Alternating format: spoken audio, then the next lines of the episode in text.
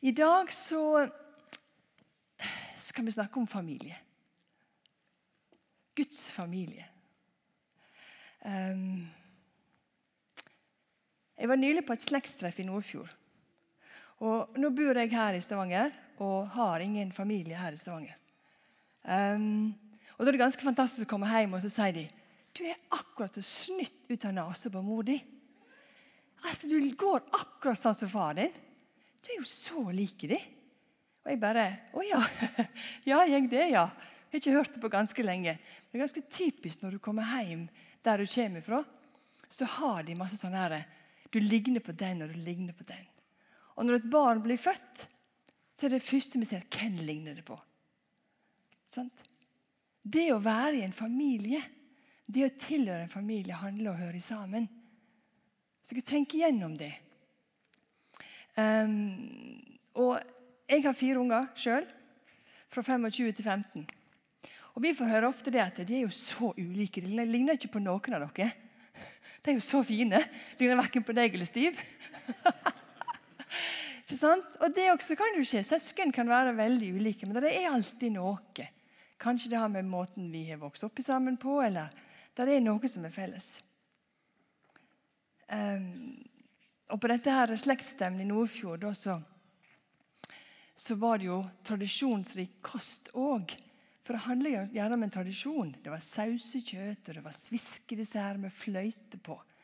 Sånn som generasjoner før. Og En gang, noe som er ganske interessant det med familie, så, så kom eh, mannen min amerikansk, som dere, de fleste av dere vet. Um, og yngste dattera vår, Julia, hun har helt rødt hår. Skikkelig sånn fire. Um, og Det har søstera til Stiv også. Men jeg har liksom ikke helt uh, skjønt sammenhengen. At, uh, ja, Og litt rødt hår er det i min familie òg, så derfor så har hun fått det. Men så var vi har mor til Stiv hun har fjerne slektninger i Frankrike. Vil si tredje, eller fjerde eller femte generasjon i Frankrike. Og De skulle vi besøke en sommer for ganske mange år siden. Jeg har aldri sett dem før, ante ikke hvem de var så kommer vi altså til den lille landsbyen i, på grensa til Sveits. Og stiger ut av bilen. Der møter du meg ei jente som er prikk lik Julia. Rødt hår og fregne. Jeg trodde ikke mine egne øyne. Mange generasjoner bak. Familiebånd. Og I dag så har vi fått feire nattvær. Det var ikke noe jeg tenkte på det når vi sto her. Altså, Vi sto jo, da. Men vi hadde et måltid i sammen. Vi spiste i sammen. Som et tegn på at eh, vi som tror på den hellige oppstanden i Jesus Kristus, vi skal komme sammen vi skal spise sammen. Og Det med måltid og familie henger veldig mye sammen. Um, jeg vet blant annet så er det en bevegelse heter Chefs for Peace, altså kokker for fred, som jobber med at jødiske og palestinske barn skal lage mat sammen. Og på den måten være med og, fred, og skape fred mellom de to folkegruppene. Altså Mat og måltid er en viktig eh, sak når vi kommer sammen som familie. Er ikke dere enige i det? må liksom ha god mat, og så må vi ha noe som vi husker fra før. Og det er ikke, han, Markus når han kommer hjem, han eldste gutten min, så har han den lista da, hva vi skal ha mens han er hjemme. Det er kringle, og det er kjøttkake, og det er god mat. Og 'Mamma, nå må du lage det, og så må du lage det.' Ja, Så jeg holder på, da. Lage god mat. Men det er jo noe med det der, det der å komme hjem og det å på en måte høre at du på en måte ja, setter, setter seg, blir satt pris på. Og Jeg må jo si det at jeg har to familier. Det sier jeg alltid. Jeg har min biologiske familie, og så har jeg min menighetsfamilie. Og jeg kan være helt ærlig med dere og si det at det, grunnen til at meg og Stiv, eller en av grunnene i alle fall, at vi fortsatt bor her, for dere hører jeg er fra Sunnmøre og ikke født og oppvokst her, er at vi har hatt Imi-familien. Jeg vet ikke om vi hadde klart å bytte i denne byen over så mange år, 35 år snart, uten at vi hadde hatt Imi-familien. Og Det har vært enormt viktig for meg som mor at mine barn har kunnet gått på barneopplegget og unge, unge, tenåringsopplegget og konfirmasjon og alt her. De har vokst opp i denne menigheten. Og det, det for meg en helt avgjørende betydning. Jeg vet ikke, Det sier jo det at jeg trenger en landsby for å oppdra et barn. Jeg trenger en menighet for å oppdra et barn. Og den verdien som det er i det å ha og komme sammen og være familie, den skal vi overhodet ikke undervurdere. Og vi skal ta igjen familiebegrepet, for vi er litt redde for da, å bruke familiegrepet. Fordi det sitter folk i salen.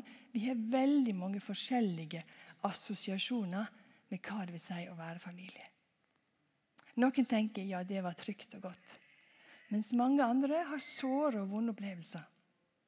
Og Derfor er kanskje vi vært litt redde for å snakke om familiebegrepet. Familie. For tenk om det støter noen. Men vet du hva? Familie det er noe som Gud vil. Familie er noe som er fra opphavet. Og det skal vi ta vare på. Det skal være karakterisere vår kirke i dag. For tenk på alle de folka i vårt samfunn som trenger en plass å høre til. Trenger en familie. Tenk hvor mange av oss sitter her som trenger familie. Sant?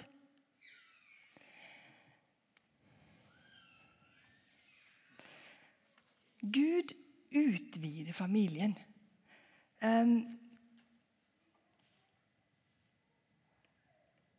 Hvis vi ser for oss i den der, Før verden ble skapt, så står det i Første Mosebok Der står det bl.a. det at Gud skapte mennesket i vårt bilde. Det skulle ligne på oss. Det vil si Gud, Sønn og Den hellige ånd var en familie. Så valgte de å utvide familien ved å skape mennesket.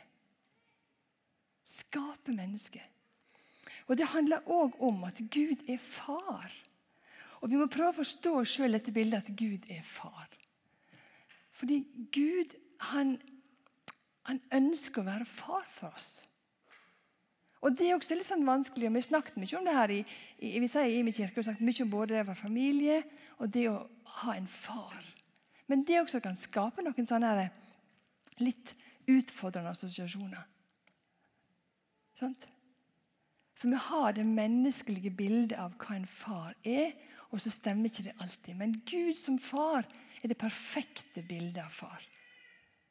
En som alltid ønsker å ta imot oss. En som alltid er der, som alltid vil oss vel. Som har ingen sånn betinga kjærlighet. Ubetinga kjærlighet. Som virkelig bare vil omfavne oss, ta oss opp i fanget, være nær til oss. I det hele tatt være med oss. Og Han er den gode modellen for oss. Faktisk den modellen som vi skal leve etter. Og så klarer vi ikke det. Fordi at det, eh, det er mange andre ting som skjer. Men i Salme 100 så står det også at Guds trofasthet varer fra slekt til slekt. Og Da må vi prøve å forstå oss sjøl, ikke ut ifra den familiebildet og farsbildet vi har, men ut fra Guds vesen. Hvem han faktisk er. Og at han faktisk i sin treenighet åpner opp for at vi skulle få lov å være en del av den familien. Vi skulle få lov til det. Han ville det, han ønska det og han skapte oss.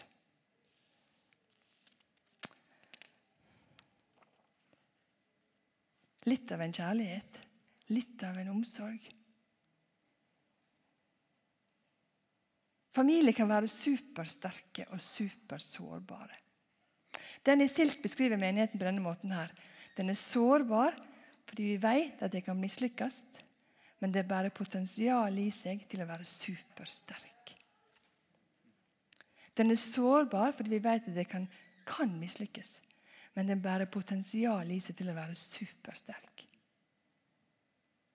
Og vi trenger å finne ut hva som gjør at Imi-kirka vår, eller kirka generelt, eller menigheten generelt, er supersterk. Og da må vi samtidig tørre å være sårbare. Det er jo slik at Familie bygger på relasjoner, bygger på respekt og anerkjennelse. Og da bygger en på en måte den, den sterke og samtidig den svake. En hær kan ikke være svak, den må være sterk. Men den bygger jo på kommando og direktiver. Og det er jo ikke det familien er tenkt å være.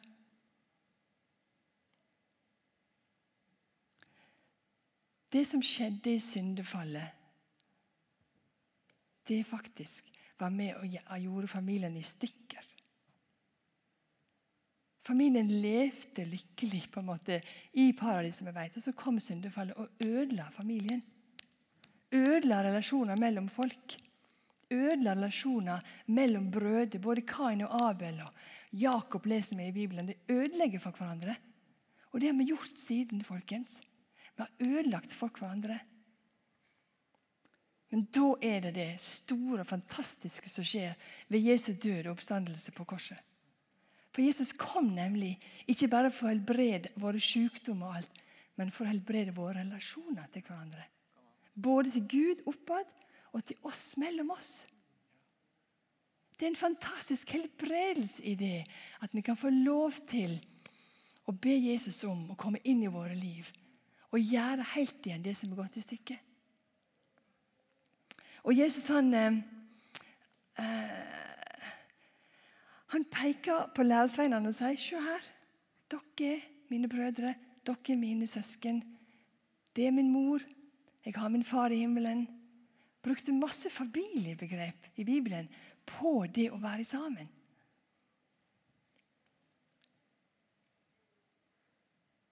Det er en naturlig del av det bibelske språket. Familie. Og Paulus skriver også at gjennom han har både vi og de tilgang til Far i en ande. Derfor er dere ikke lenger fremmede og utlendinger. Nei, de er hellige medborgere og Guds familie. Guds familie. Vi har en felles tru. Og Det er det som karakteriserer Guds familie. At en har en tru. En tror på noe utenfor seg sjøl. Vi har fått adgang til Gud igjen, folkens. Amen. Hæ? Og Dette kan være med å prege oss. Men vi skal være stolte av å tilhøre denne familien. For Guds familie er på en måte et bilde, eller Gud har vist oss et bilde av den optimale familien. Så vet jo vi med våre feil at det lykkes ikke alltid. Men det er det som er målet vårt. Det er det vi eh, sikter mot. Vi springer imot det på en måte.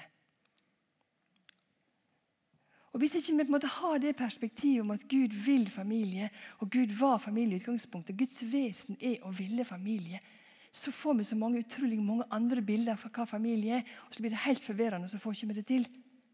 Og vi tør ikke snakke om det. Det er enormt viktig, folk. Jeg tror faktisk det er en nøkkel at vi må tørre å snakke om det. Jeg sjøl syntes det var ganske vanskelig når vi i begynte å snakke om familie her for et par-tre år siden. Huskirke og familie. familie. Jeg tenkte å, oi, oi, oi, nei, tenk på alle som har det vanskelig i forhold til at dette er komplisert, dette er vanskelig. Og i forhold til far og alle disse tingene her. Jeg kjente på masse følelser inni meg. Jeg tenkte, Åh, hvor skal dette gå? Helt til vi oppdaga at det, det, er ikke, det er ikke min familie eller vår familie det er snakk om, men det er Guds familie det er snakk om. Og Guds vesen. At han vil familien. Hæ? Amen? Nikker dere? Eller dere, skjønner dere hva jeg snakker om på en søndag formiddag? Ja? Og Vi er ikke så døpt inn i en familie. Alle som tok imot ham, har rett til å være Guds barn. I navnet Faderen og Sønnen og Den hellige ande. Er ikke det fint på nynorsk? Faderen og Sønnen og Den hellige ande. Fantastisk. Ja, treenigheten. Vi er døpt til å være sammen med treenigheten.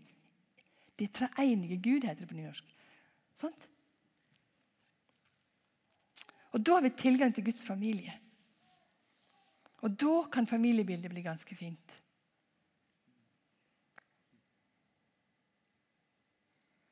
Og da er Vi på en måte også, vi er, også, vi er født, men vi er også adoptert inn i familien. Det kan være ganske sårt å ikke ligne på noen av sine slektninger fordi du er adoptert inn i en familie òg.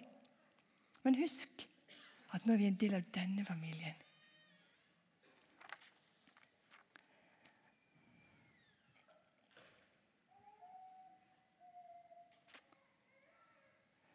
Jesus kom. Jesus kom for å sette familien i stand. Og Jesus er opptatt av å se familien finne hverandre. Se rundt dere, da. Sant? Det er litt spredt bebyggelse nær sagt her. Spredt, jeg er vant til det. Jeg vokste opp i grisgrendt strøk på Sunnmøre. Spredt bebyggelse er fint. Men det kan være litt avstand av og til. Men det handler vel litt om hva slags holdninger vi har når vi kommer inn her. Har vi en holdning om at jeg hører til denne familien? Eller har vi en holdning om at jeg går i denne kirka? For det, det handler jo om en familie eller en organisasjon. Sant? En familie da vi gjerne blir født inn i, gjerne ved dåpen, eller vi blir født inn i den som Guds barn. Men vi melder oss inn i en organisasjon. Vi melder oss inn i IMI, da, medlem. Nå er jeg medlem i IMI. Ikke sikkert du kjenner du er familie i meg likevel. For det handler om et, faktisk et valg du må ta. Jo, jeg tilhører denne familien. For det har Gud sagt. Og det gjør jeg faktisk. Og I en familie så har det noe om identiteten som du bærer med deg. Også ut av de dørene når du går ut her. Hva slags ryggrad er det du har? Det er ikke bare en funksjon i en kirke. Det er ikke bare en lederverv eller et medlemskap eller et nummer. Nummer 1000 medlem. Nei. Du er faktisk en del av en familie. Og da er det hva rolle du velger å ta. da. Hva rolle velger du å ta i familien? Kanskje du er på besøk her og ikke går i, eller er med i Imekirka til vanlig, men hva rolle og hva, hva posisjon eller hva tenker du? Hvor er du i din menighet, der du går? Vi er opptatt av å bygge en familie her i Imekirka, og ikke bare bygge en organisasjon. Og det gjør at det blir sterkere bånd mellom oss. For en organisasjon kan du melde deg ut av.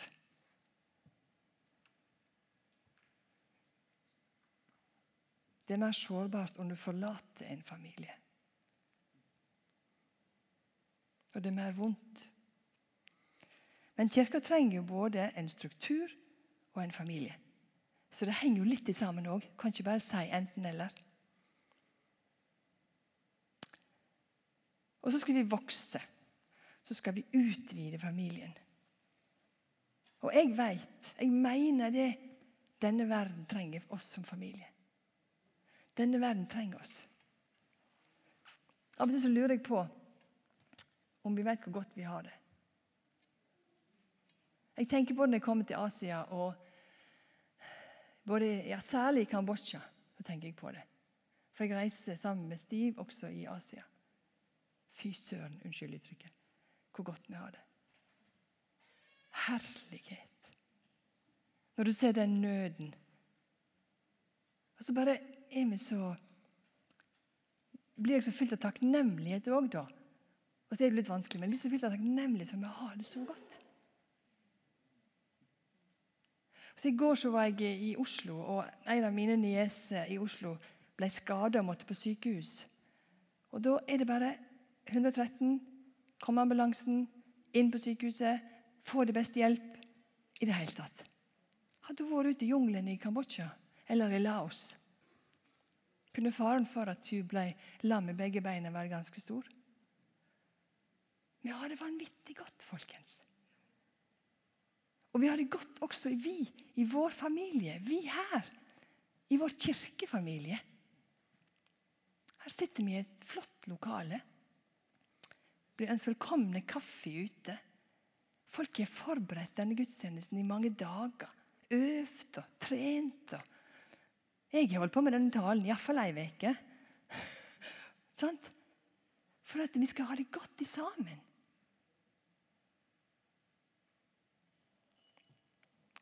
Hvordan skal vi utvide familien, da?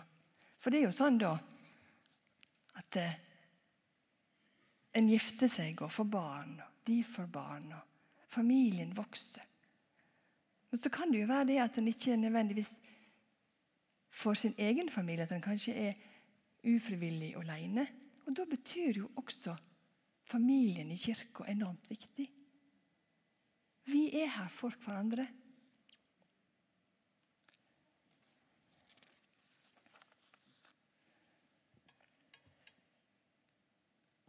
La oss skape mennesket i vårt bilde.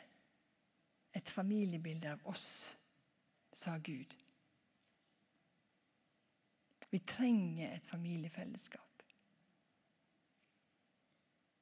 Vi trenger å hjelpe hverandre og oppdra hverandre. Og Jesus sa når han for til himmelen, i misjonsbefalinga sa han at jeg er med dere så lenge verden står. Alle dager til verdens ende. Med Den hellige ande som er med oss. Utvide familien er jo mye mer enn er ikke en strategi. Men det er noe som kanskje skal gjøres mer på en naturlig måte, og så må en ha lagt noen planer samtidig. Jeg har lyst til at dere skal lov til å treffe Inger Helene. Nå må du komme fram. Der sitter du, ja. Inger Helene. Vi har det siste Gi henne en skikkelig klapp.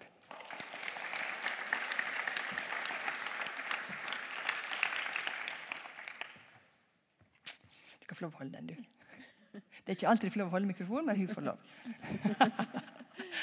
Hei, Inger Helle. Hei. Hei, hei. Ja. Du, um, vi snakket litt på forhånd i forhold til dette. Og um, du og Jan, som også er her i menigheten og jobber her i menigheten, dere, ingen av dere kommer herifra. Nei, Nei. det gjør vi ikke. Jon er jo fra Bergen. Jeg er litt nord fra Bergen. Ja. egentlig. Mm. ja. Og så sa du til meg at eh, dere hadde noe slekt buende her. Ja. Eh, Mm. Far, ja, faren til Jon bodde her noen år, eh, noen år men han er, er død nå. ja. Og så oppdaget dere, det at når da det, han døde, eller så var det Ja, hvor skal vi gjøre dette? Vi trenger jo en familie her. Ja. Og hva gjorde dere da? Nei, da eh, Da tenkte vi får prøve å finne noen da, som har lyst til å være litt sånn i familie med oss her. Som vi er. Ja? Ja. Og vi har jo biologisk familie i Bergen, og, eh, men vi hadde veldig lyst til å ha noen her som vi bor. ja hvordan, hva var utgangspunktet for det, da? Nei, det var liksom det å, å ha noen litt nærme på, så du kan dele litt liv med, så du kan møte til middag eller kvelds og ja, er litt sammen med. henne? ja sammen. For du Ja. sa jo blant annet, Det var nesten litt sånn egoistisk tanke, sa du da? Det var det. Det var ikke sånn Det var liksom at vi trengte det. Det var ikke sånn jeg tenkte at å, det finnes sikkert mange der ute som er litt ensomme, og vi har lyst til å være snille med dem. Det var ikke sånn. Det var mer sånn Vi har lyst til å ha noen Så, Ja. ja. Er ikke, det, er ikke det ærlig, folkens? Er ikke det sånn det er? Det var sånn det var. Ja, og sånn er det. Sånn er, kan jeg òg tenke. Ja. Um, jo, hvordan um, kom dere i ta- kontakt med disse folka, da? Nei, vi eh, Altså, det var ikke akkurat eh, Det var ikke akkurat så vi satte oss ned liksom eh, med en liste, men vi hadde liksom noen som vi kjente litt, så vi um, Ja, så vi trivdes sammen med både jeg og John, men òg eh, også ungene våre. Jeg syntes det var kjekt med de. Ehm, for det var litt viktig for oss at det var noen som vi alle trivdes sammen med. Ikke bare en, liksom, en ny venninne for meg, eller så bare jeg skal være med, men så hele familien kan være sammen med. Mhm. Ja, Um, vi kjenner jo altså, Du kan jo si hvem, ja, ja hvem det det er. var eh, Johanne. Johanne. Ja. Ja, mm. og Mette Rustad. Ja, begge de er jo her i menigheten. Mm. Mm. Ja. Ja, og Hvordan fungerer dette her nå? Er det, er det nettopp Er det sånn? Pang, så er dere en familie, eller vokser dere inn i dette? Det, det er noe mer som en vokser inn i, og så, som er en prosess som tar litt tid. Det er ikke liksom bare fra en uke til en annen, men kanskje liksom litt og litt. Og så kan en jo ikke bare bestemme seg for at jeg har lyst til å ha deg inn i vår familie. Det må jo liksom være litt gjensidig, da. Ja. At de ønsker å, ønsker å bli med. Litt gjensidig er jo Ja, fint. litt, ja. Det er fint. ja. Eh, Men ofte så, eh, så sier en gjerne ja, du må jo være sånn superekstrovert for å få dette til. Men det er ikke begge dere. Nei, John er jo ekstrovert, veldig ekstrovert. Eh, Jeg er jo introvert. Liker å ha det litt sånn stille og rolig. Og, ja. Men eh, det går an, eh, selv om du er introvert. Eh, du bruker kanskje bare litt lengre tid på å bli kjent med folk. Og, ja. Så bra. Mm. Og dette sa du var sånn ca. fire år siden dere begynte med dette. ja. Jeg tror det. Eh, Hvordan ser hverdagen ut nå, da? Nei, nå kan det eh, Vi spiser gjerne middag sammen sånn av og til, eller kvelds, eller bare henger sammen en lørdag. Eh, og nå er det ikke sånn at det bare at det er vi som inviterer, liksom, men at kanskje de òg kan ringe og, og høre liksom, Kan vi komme og sitte på terrassen deres, eller eh, ja, kan vi, kan, eller, at en av de ringer Kan jeg komme på middag i dag eller i morgen? Så ja. Og så sa du også at av og til kunne hende de kom hjem før du kom fra jobb. ja. Og hjelpte ungene med lekser. Og ja. Sitter de kanskje og gjør lekser med guttene før vi er kommet hjem. Dette er jo glory, glory, halleluja. dette. Hæ? Fantastisk. glory, glory. Men jeg tenker jeg tenker at dette, dette bildet sier noe om at jeg tror det kan fungere på sånne måter mange flere plasser. Hvis vi bare har den tanken om at det kan være sånn. Og gjerne begynne å be Gud om å vise oss hvem er det som, som eh, Selv om det er egoistisk, gjør ingenting. Vi er jo litt egoistiske, da, dessverre. i denne. Men, men denne her, og, og det der med å invitere seg sjøl inn syns jeg er veldig viktig. Ja. Men så sa du òg at eh, sånn som Johanne da, vært, hun er litt mer frimodig enn Mette. gjerne. Ja. Ja. Så de har jo feira jul, hun og mor til Johanne, med dere. ja. Det har de. Uh, ja, et par år siden. Mm. Veldig kjekt, det. Og det, og det føles helt, uh, helt naturlig uh, at de kan det. Ja. Um, ja.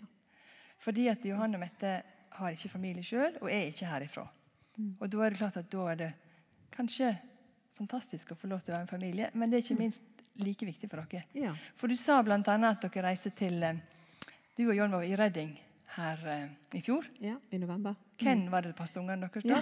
Da flyttet Mette og Johanne inn til oss når vi var vekke ti dager. Og dreiv familien. Dreiv familien. Ja, rett og slett. Yay! Fikk de på fotball og fritid og lekser og skole og alt. Mm. Ja. Ja. Mm. Men det er klart du må jo ta noen steg ut i noe så litt ukjent. ja. Syns du det var skummelt? Nei, egentlig ikke. Um, kanskje litt sånn i begynnelsen, for du er kanskje litt sånn redd for ehm, For, for eh, vi ga jo klart uttrykk for at det var liksom litt sånn familie vi var på jakt etter. Og det er liksom alltid sånn, hva- hvis jeg sier nei? da? Nei, det vet du hva, det kunne vi ikke tenke oss. Så ja, ok. Men, ehm, men det har gått greit. Ja. Det går greit. ja. Ja. Nå kan dere sitte og høre på dette her velge. Dette var veldig oppmuntrende. Det kan dere velge å tenke. Du kan tenke, Dette får vi aldri til. Det er to tanker i hodet du kan ha. Jeg vil oppfordre dere til å tenke at dette kan jeg tenke mer på. Kanskje jeg kan få dette til. Hvis dette er et ønske eller er noe du har tenkt på en stund. Så poenget med oss at Inger Helene kom fram og snakker nå, er å tenke og gi et bilde av hvordan det kan se ut. Hvordan det kan faktisk fungere. Fra begge sider. Tusen takk. Gi henne en klapp.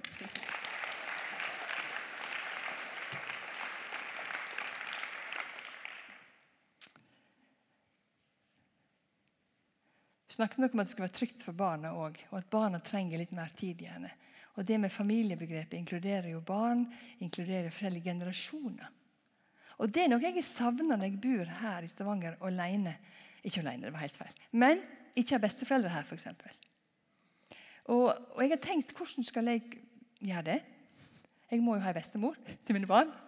Så da har altså det blitt helt naturlig at ei dame rett over veien, som nå er 82 år, som Julia da nå var to år, og vi har nettopp flyttet inn i nabolaget, roper til denne pene damen på øvre hinnen Kan jeg få komme inn til deg? Og jeg bare så alle krystallfigurene i vinduet dette ned og knuse og hele pakken. Og denne dama, har virkelig omfavna Julia. Og lenge var dette Julia sin aller beste venn. Og så var det av og til, Hvis vi hadde glemt å gi henne nøkkel eller ikke var kommet hjem tidsnok, så satt hun på trappa og ikke visste hva hun skulle finne på. Mm, sånn gjør foreldre av og til. Så sprang hun opp til Liv. Og Liv var alltid hjemme. Sant? Vi bor i nabolag, folkens. Kanskje det er noen som virkelig skulle lengte av å bli en liten reservebestemor eller bestefar. Um, det handler også om utvida familie i forhold til det med misjon. Og misjon starta folkens mye før misjonsbefalinga i, i Matteus 28. Det starta allerede ved at Gud skapte oss. Og Gud ga rom til flere i sin familie. Og dette er Guds vesen. Han vil ha flere i familien. Men vi må jo spørre oss sjøl, da. Er det av plikt, eller er det av kjærlighet? Jeg må utfordre meg sjøl litt.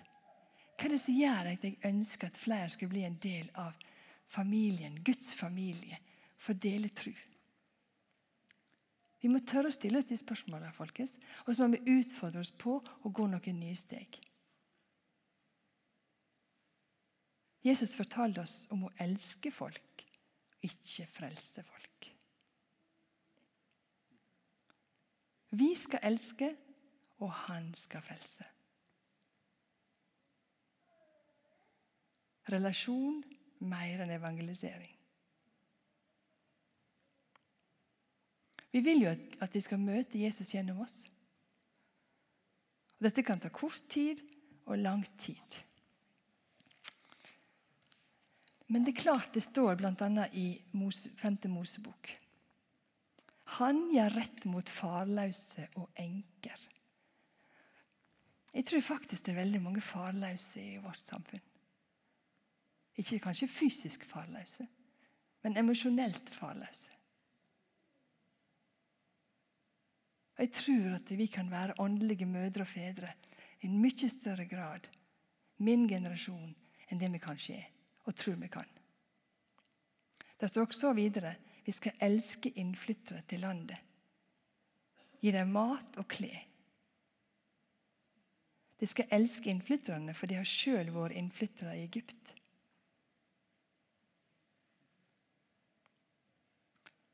Jeg blir veldig imponert og veldig rørt over veldig mange familier og enkeltpersoner i vår menighet som har gjort et vanvittig flott arbeid med innflyttere og farløse i landet. I dette landet vårt her. Og det skal karakterisere oss. For to år siden så var det jo en stor flyktningkrise. Og da ble engasjementet virkelig tent opp hos mange av oss. Og det kan være mange Og jeg, og jeg tenker nok at det, det der å bety familie for de som er nye i et land jeg har ikke flykta til et land, men jeg har budt i utlandet. Og veit hva det betyr når noen faktisk inviterer meg inn til et måltid. Eller inviterer meg inn i en heim.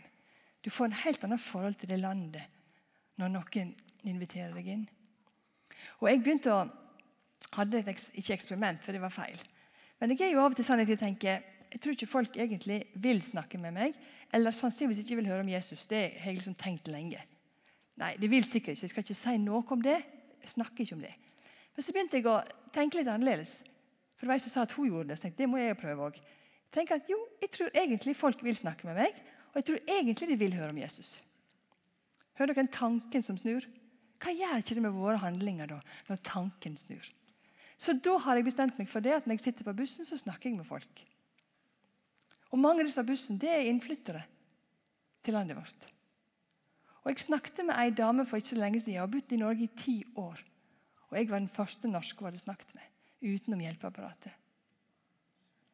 Folkens, vi har en enorm utfordring til å se med de øynene som Jesus ser. Det minner oss om å være gjestfrie. Og Det står i Bibelen òg, i Hebreerne 13,2. Være gjestfrie. Og jeg har i min giftering her så har jeg et bibelvers. Og denne, Dette bibelverset har jeg bedt i mange mange år. Og det er Gled dykk i Herren alltid. Igjen vil jeg si det, gled dykk.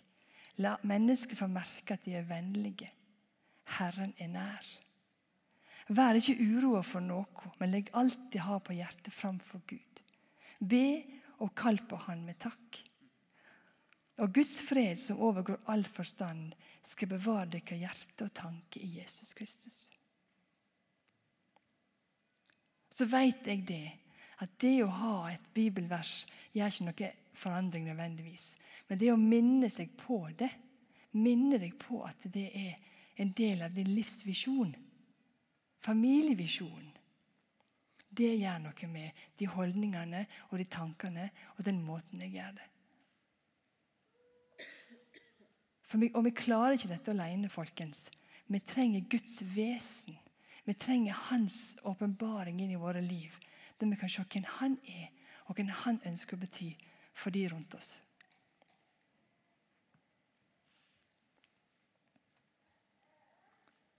Guds veldige kraft, folkens, bor i deg. Den veldige krafta reiste opp Jesus fra døden, og den har vi fått del i. Og den veldige krafta kan mennesker rundt oss få erfare. Gjennom relasjoner. Gjennom at du er med og bygger en brutt relasjon til en god relasjon. Gjennom at du i ditt liv begynner å spørre deg sjøl hvem er jeg sendt til, og hvem er jeg sendt sammen med. Hvem er du sendt til? I menighetsfamilien, utenfor menighetsfamilien. Om det er innflyttere, og farløse og enker. Men hvem er du sendt til? Og hvem er du sendt sammen med som familie? Vi er fryktelig sårbare om vi går alene. Og vi er mye sterkere om vi hekter oss på hverandre. Jesus kom ikke bare for å helbrede våre sykdommer, men han kom for å helbrede relasjoner. folkens. Han kom for å gjenopprette familien. Og vi skal få lov til å være et bilde i denne verden på en familie som omfavner, som tar inn, og som ser folk. Men så er det det at vi er jo forskjellige, da. Men på din måte.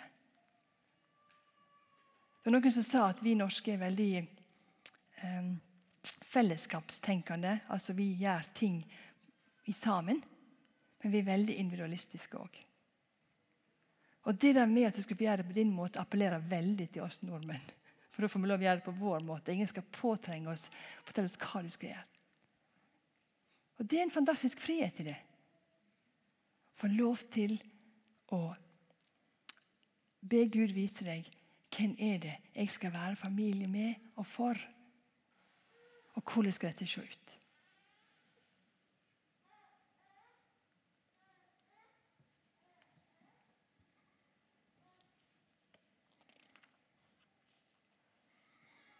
Skal vi reise oss?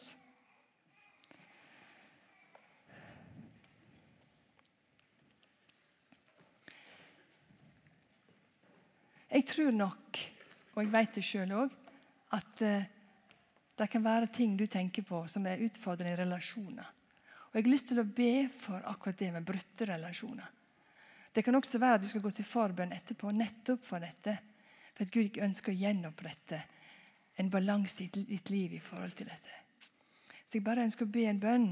Du trenger ikke gjøre det til kjenne, men jeg ønsker å be en bønn, og at vi alle strekker hendene fram. Og at jeg ber en bønn over, over, oss alle sammen i forhold til nettopp dette.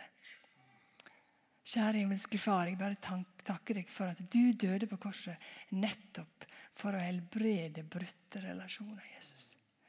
Du døde på korset nettopp for å gjenopprette familien. Og Jeg bare takker deg for at det det kan du gjøre. Jeg ber om den indre helbredelsen i menneskets liv her i kveld, Jesus, og i dag. At du kan komme og vise deg nye bilder av hvordan det kan se ut. Gi, gi folk håp. Gi hver enkelt av oss håp om at dette kan skje. Og Jeg takker deg for at du er en uendelig Gud som ønsker det beste for oss. Og Så ber jeg også om det er noen her som ikke har tatt imot deg, Jesus. Og Jeg ber om at du skal virkelig åpne hjertene der, så jeg kan komme inn i vår familie.